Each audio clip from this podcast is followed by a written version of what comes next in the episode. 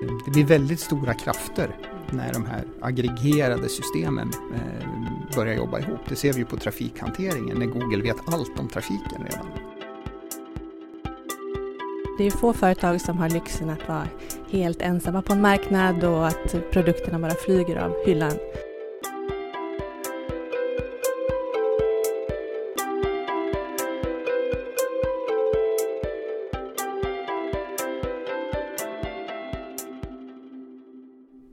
Hej och välkommen till ett nytt avsnitt av podden Framtidskraft. Jag heter Karin Bordén och jag jobbar på Jämtkraft och med idag är också Daniel Löfstedt. Mm. Vi ska prata om kunddriven utveckling idag. Ja precis, att det pratas ju väldigt mycket i energibranschen om kunderna och att man vill ha en, ett kunddriv mm. för att få till utvecklingen. Mm. Och vad handlar det här om och vill kunderna verkligen driva? Ja precis, vill de det? Det är vi många som funderar på. Som vanligt så är det inte du och jag som är experterna utan vi har med oss två stycken gäster. Precis, vi har med oss eh, Anna Stode och eh, Joakim Lindborg. Mm. Och vi börjar med att lyssna till Anna Stode. Jag heter Anna Stode och jobbar som konsult på ett företag som heter CFI Group. Och vi jobbar med kunddriven affärsutveckling. Har 25 års erfarenhet av det. Där vi analyserar och ger affärsrådgivning för att hjälpa företag att skapa tillväxt och öka konkurrenskraften. Kunddriven affärsutveckling. Vad är det för någonting?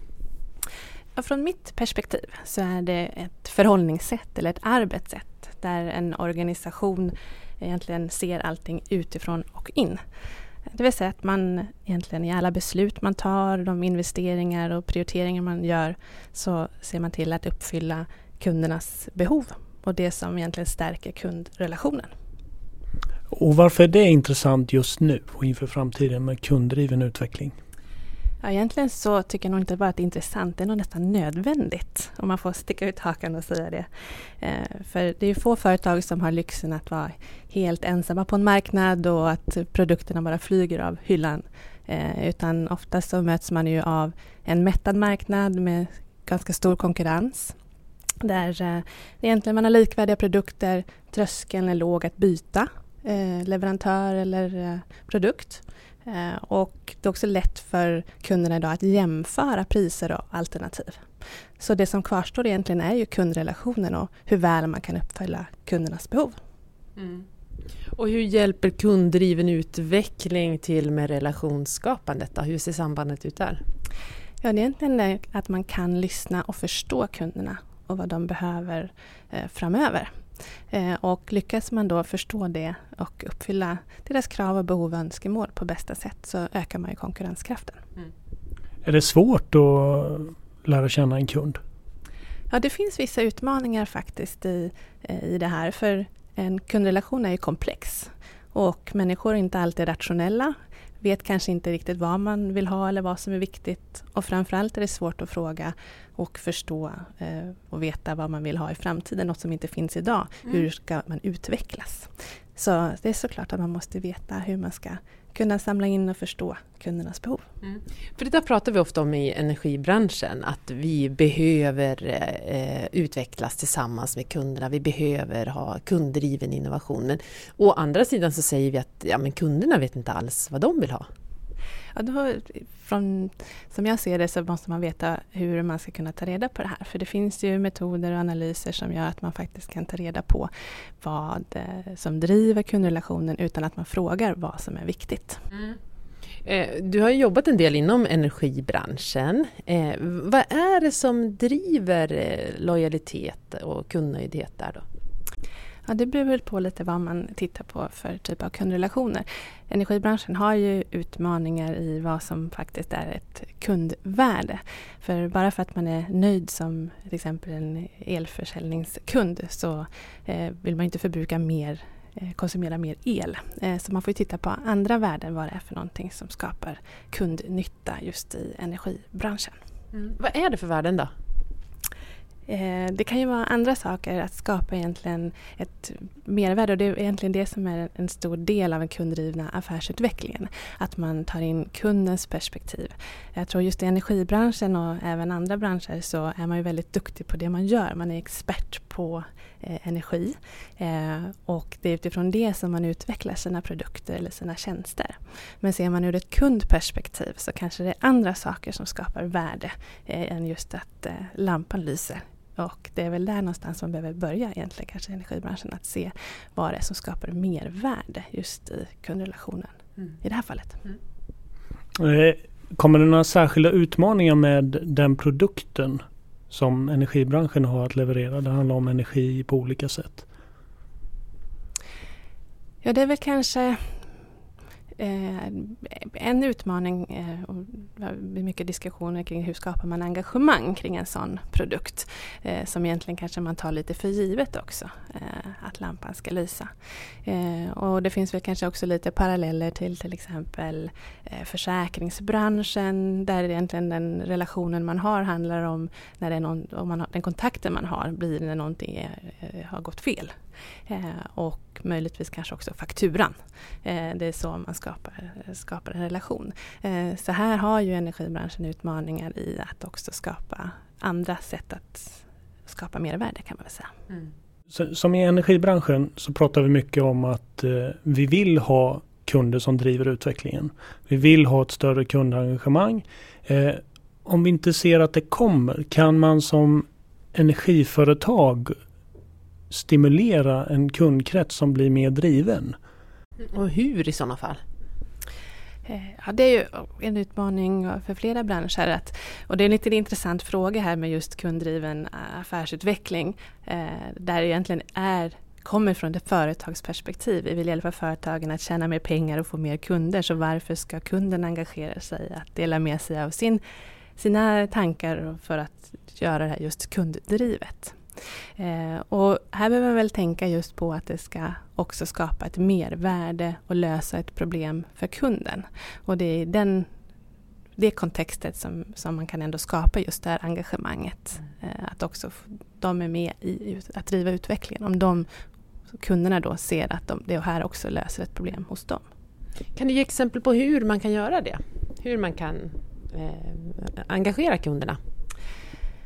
Ja, egentligen från företagets sida så är, är kunderna alltid drivande för, de kan ju, vad kallar man det för, rösta med fötterna, det vill säga välja ett annat företag. Så det är ju avgörande att man ska, kan skapa det här engagemanget.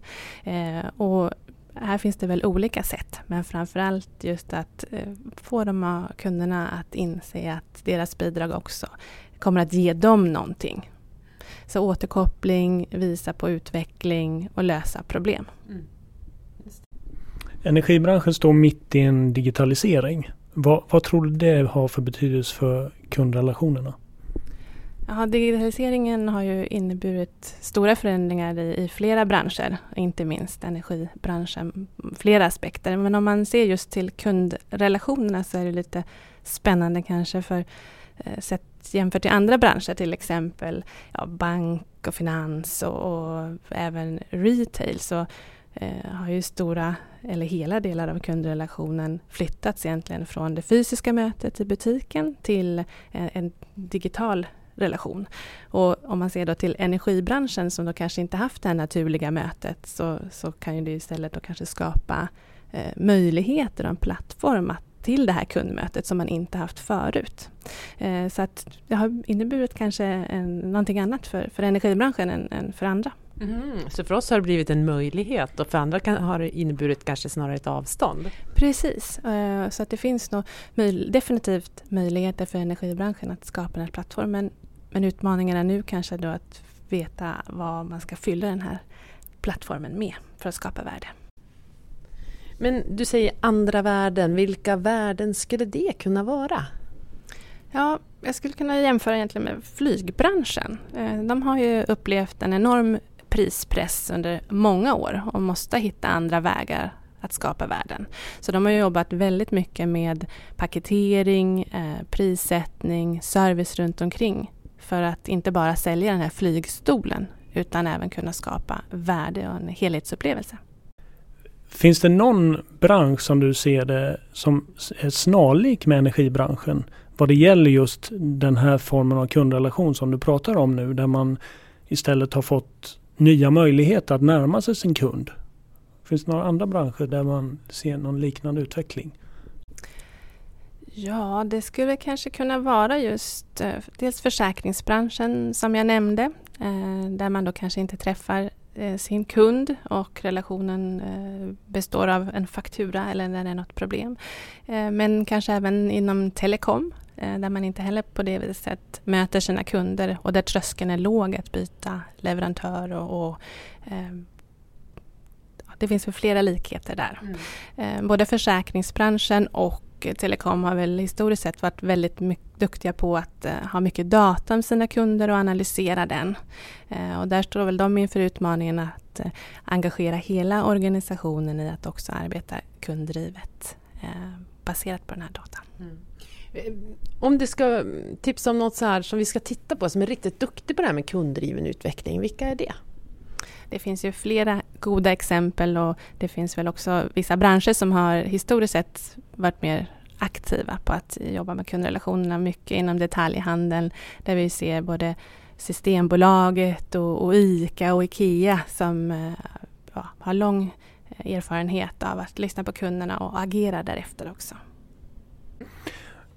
Om inte energibranschens aktörer lyckas fånga den här möjligheten till en bra kundrelation vad ser du för farhågor då för energibranschens aktörer? Det vi märker är ju att eh, det har blivit mer och mer branschöverskridande i och med att man jobbar med kunddriven affärsutveckling. Eh, det vill säga att det inte blir helt tydligt vem som är ens konkurrenter. Jag märkte nu till exempel IKEA som har börjat sälja solcellspaket och vi har McDonalds med laddstolpar och man vet inte vart eh, konkurrensen kommer ifrån. Och är man i, inom energibranschen då kanske inte med med samarbeten eller utveckling eller att förstå vad för problem man faktiskt kan lösa eh, så finns det andra som kommer att fylla den positionen. Mm. Vi blir utan helt enkelt. Det blir i alla fall andra som mm. kommer att eh, ta marknadsandelar, helt klart. Tusen tack Anna för att du var med här i podden Framtidskraft. Tack snälla för att jag fick vara här.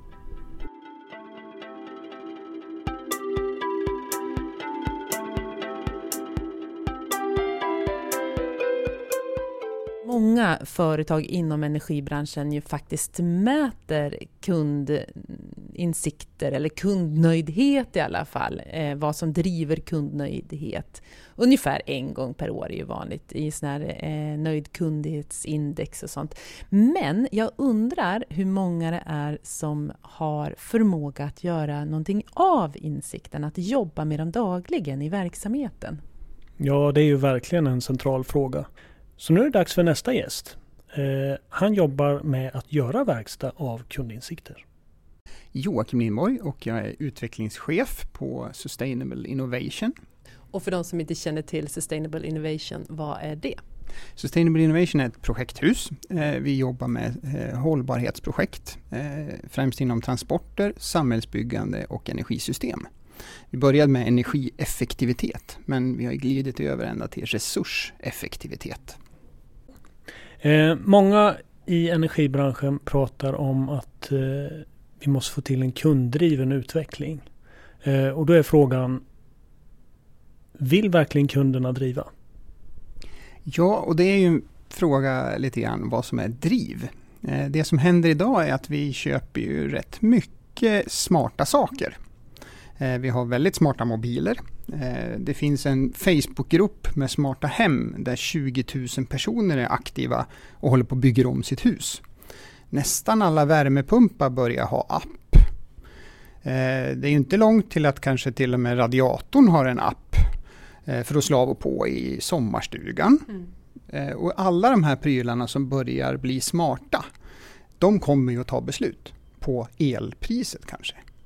Och då är vi plötsligt där att det är ett kunddrivet, vi har köpt alla de här prylarna och de här prylarna kommer plötsligt att göra beslut på elnätet. Men eh, betalningsviljan för de här prylarna tycks någonstans vara högre än betalningsviljan för själva energin, eller? Jo, men så är det. Eh, vi, det har ju sett ganska många, och det är därför man pratar om det här, ja men är det verkligen kunddrivet? Nej, för att det här med att flytta tvätten till kvällen mm. för en krona, om man gör av med en kilowattimme, eller kanske 3-4 kronor på torktumlingen, för att den drar 4 kilowattimmar. Liksom. Det är ju ingen som vill göra. Men att kliva in i ett lite smartare larmsystem som även har en Panasonic luft-luftvärmepump. Ja, men då börjar det bli lite intressant att den optimerar hela årsförbrukningen av el. Och när vi ändå är där så skulle det helt automatiskt kunna vara med och reglera på elmarknaden. Mm. Så att du ser uh, olika delar av energimarknaden. Det, finns olika delar av potential på energimarknaden eller? Mm. Ja, det tror jag. Eh, och jag tror att eh, själva energimarknadens energipriser, det driver inte idag någon kunddriven förändring i, i nätet. Utan eh, när, när, man istället då driver mot smartare system så skulle de här kundsystemen kunna ta beslut som kanske handlar om effekt mer. Eh, och där finns det ett mera kostnadsnivå. Eh, där det finns en lite mer nytta att använda de här systemen. Eh, och där är vi idag. Om du liksom tittar några år framåt, tre, fem, vad ser du då? Tror du att vi kommer få se en förändrad inställning bland kunder och vi kommer, det här kunddrivet kommer förändras på något sätt?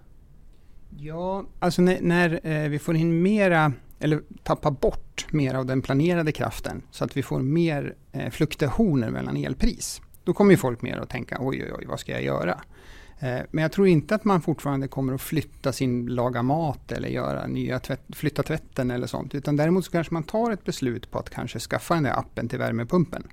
Och då kommer de här systemen att kunna välja att energioptimera. Mm. Alltså att flytta till billigare tider. Mm. Eh, och då är frågan om man har ett samarbete med elhandlarna så att man påverkar elpriserna eller om man bara reagerar på elpriserna. Eller om det blir effektmarknaden, att det är brist i elnäten som är den drivande. Här får vi se lite vart det glider. Men vad blir skillnaden för mig, för mig som kund? Jag tror att för dig som kund så, så kommer du se eh, eh, smartare leverantörer som, som kommer att kommunicera mycket närmare med dig. Eh, och, och ger dig, ja men du har varmt och skönt hemma. Mm. Och by the way så fixade vi billigare el och räddade världen och fick in mer solel. Mm. Men jag kommer inte märka någonting alltså? Nej, jag tror inte du kommer att märka någonting hemma. Utan du tar mera ett, ett beslut. Du kanske bestämmer dig för att åka SL istället för att åka bilen. Och sen är du rätt nöjd och gör det. Mm. Eh, och det är precis som här, ja, men du tar och köper den där appen till värmepumpen. Sen är du rätt nöjd. Eh, jag vet inte hur många som har bytt elpris och byter elpris hela tiden. Jag har bytt försäkringsbolag en gång. Sen var jag nöjd, då har jag i alla fall gjort det. Eh, men, men att byta försäkringsbolag varje dag, det orkar jag ju inte. Men, men om min värmepump bytte elbolag varje dag för att få ett bättre pris, ja, jättebra. Men är det möjligt menar du? Ja, absolut. Alltså de här tekniska systemen kan ju göra väldigt snabba beslut och förändringar. Eh, det beror ju bara på vad de här elhandlare stöder för någonting och vilken marknad den här värmepumpen eller systemet är på. Mm. Och vad, vad, ser du de stora vinsterna i en kunddriven utveckling? Ja, det är, vi, klassiskt har vi gjort systemet uppifrån och ner. Och det är ju jätteskönt att bara bygga så som vi vill ha det och det är lätt att göra. Nu får vi ett komplicerat system men där alla är med. Eh, jag känner att när jag pratar med folk som har skaffat solceller så är de ju väldigt mycket mer liksom förstående för att energimarknaden och energisystemet är väldigt viktigt i samhället. Eh, man kanske till och med börjar sopsortera bättre när man ändå är på gång och blir mer medveten. Så där tror jag den, den stora vinsten med kunddrivet att man plötsligt man tar ett beslut som kanske är ekonomiskt eller, eller rolig teknik. Och sen glider man in i mer den här kunskapen om, om, om energisystemet. Mm. Men vad är, eh, det är samhällsvinsten då. Eh, men vad skulle vinsten vara för energibolaget? Jo, energibolaget får man väl eh, flytta då mellan handel och nät. Och, och, idag, det vi gör tätt med, med kundflexibilitet idag, då är det ju energinätbolaget som vinner på att man inte behöver uppgradera transformatorstationer, man behöver inte dras kraftigare kablar, eh, vilket är väldigt dyrt. Det är det vi betalar väldigt mycket nätavgift för.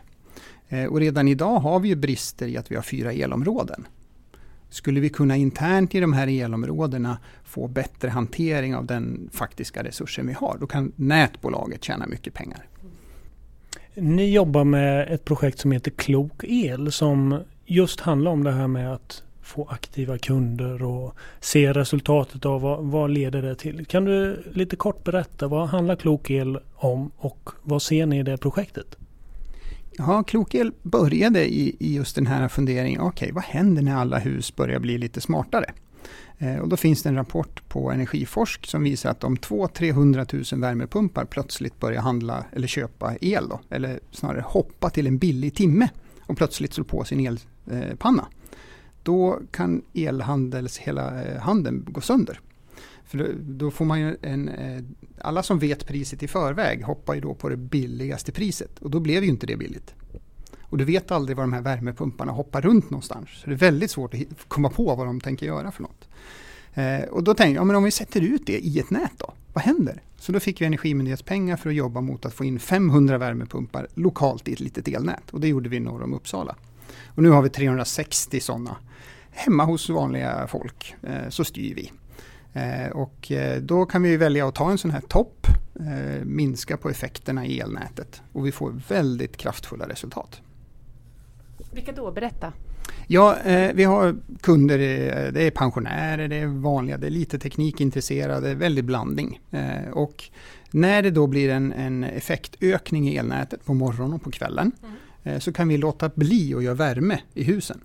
Och då minskar vi den här toppen för då gör, eh, för, låter värmepumpen bli att göra värme i två timmar kanske. Det beror lite på vilket. Men, men, men vad säger kunderna då? Ja, de märker ju ingenting då. Eh, det vi gör är att vi, vi låter värmen sänkas lite grann. Eh, och eh, vi talar inte om det. Eh, de som möjligtvis känner av det, och det har vi visat i en annan det är ingen som egentligen gör det. Speciellt inte på morgonen när du håller på att laga mat eller på kvällen när du håller på att laga mat. Så märker du inte av den här lilla temperaturskillnaden. Och det räcker med en grad. Vad ger det för vinster då? Ja, vi visar att med 250 system aktiva så kan vi göra nästan en, mer än en megawatt. Och vad är det då? Ja, för ett litet elbolag eh, så, så eh, handlar den här megawatten om eh, åtskilliga eh, tusental, hundratusentals kronor. Eh, vi räknar ner på, på varje villa så är en sån här topp värd 600 kronor. För en sån topp. Mm.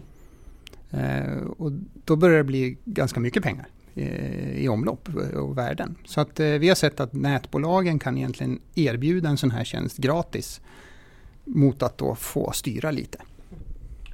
Och det har också effekt mot överliggande nät antar jag, en fördel för ett lokalnät? Absolut. Eh, idag så har ju då alla lokalnät en abonnerad effekt mot överliggande och den har ju de tagit i utifrån en magkänsla om sitt eget elnät, hur mycket kunder de har och vad de hittar på för någonting. Så de har ju en ganska rejäl marginal eh, att inte kliva över den här toppen. Då. Eh, och då skulle man i princip kunna sänka alla abonnerade effekter.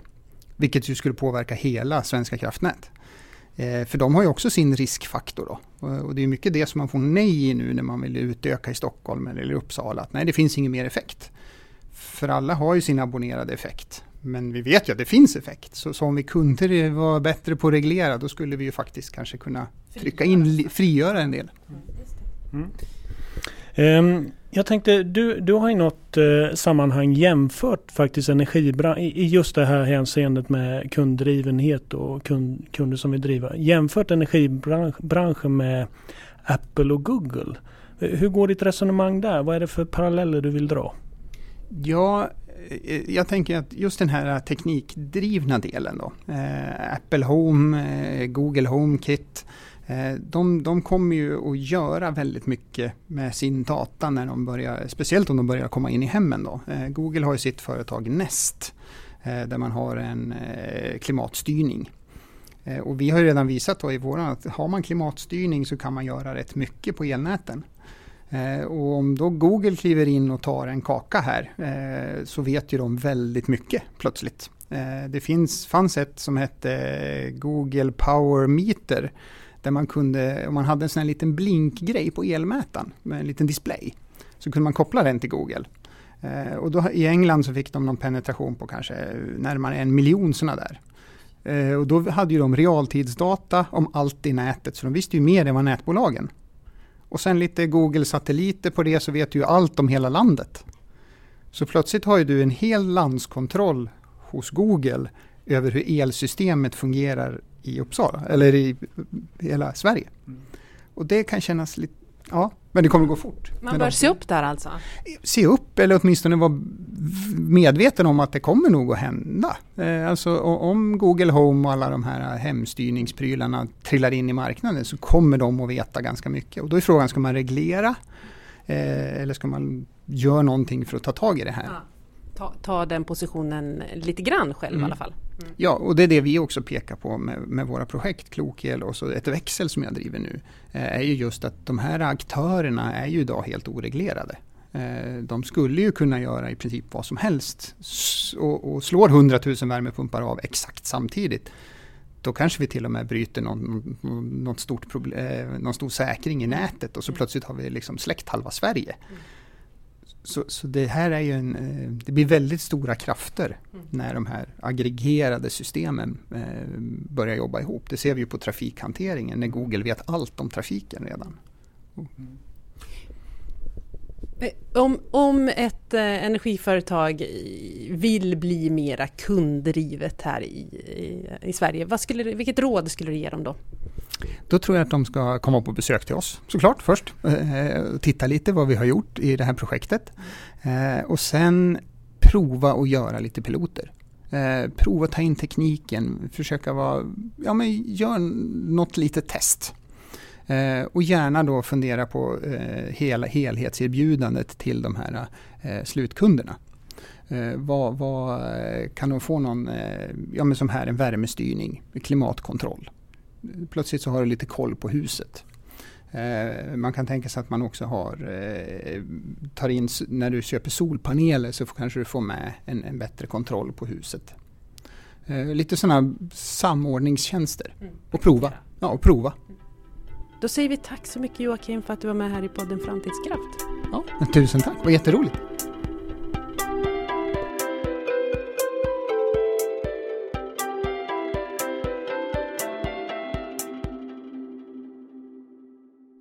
Joakim Lindborg från Sustainable Innovation hörde vi där.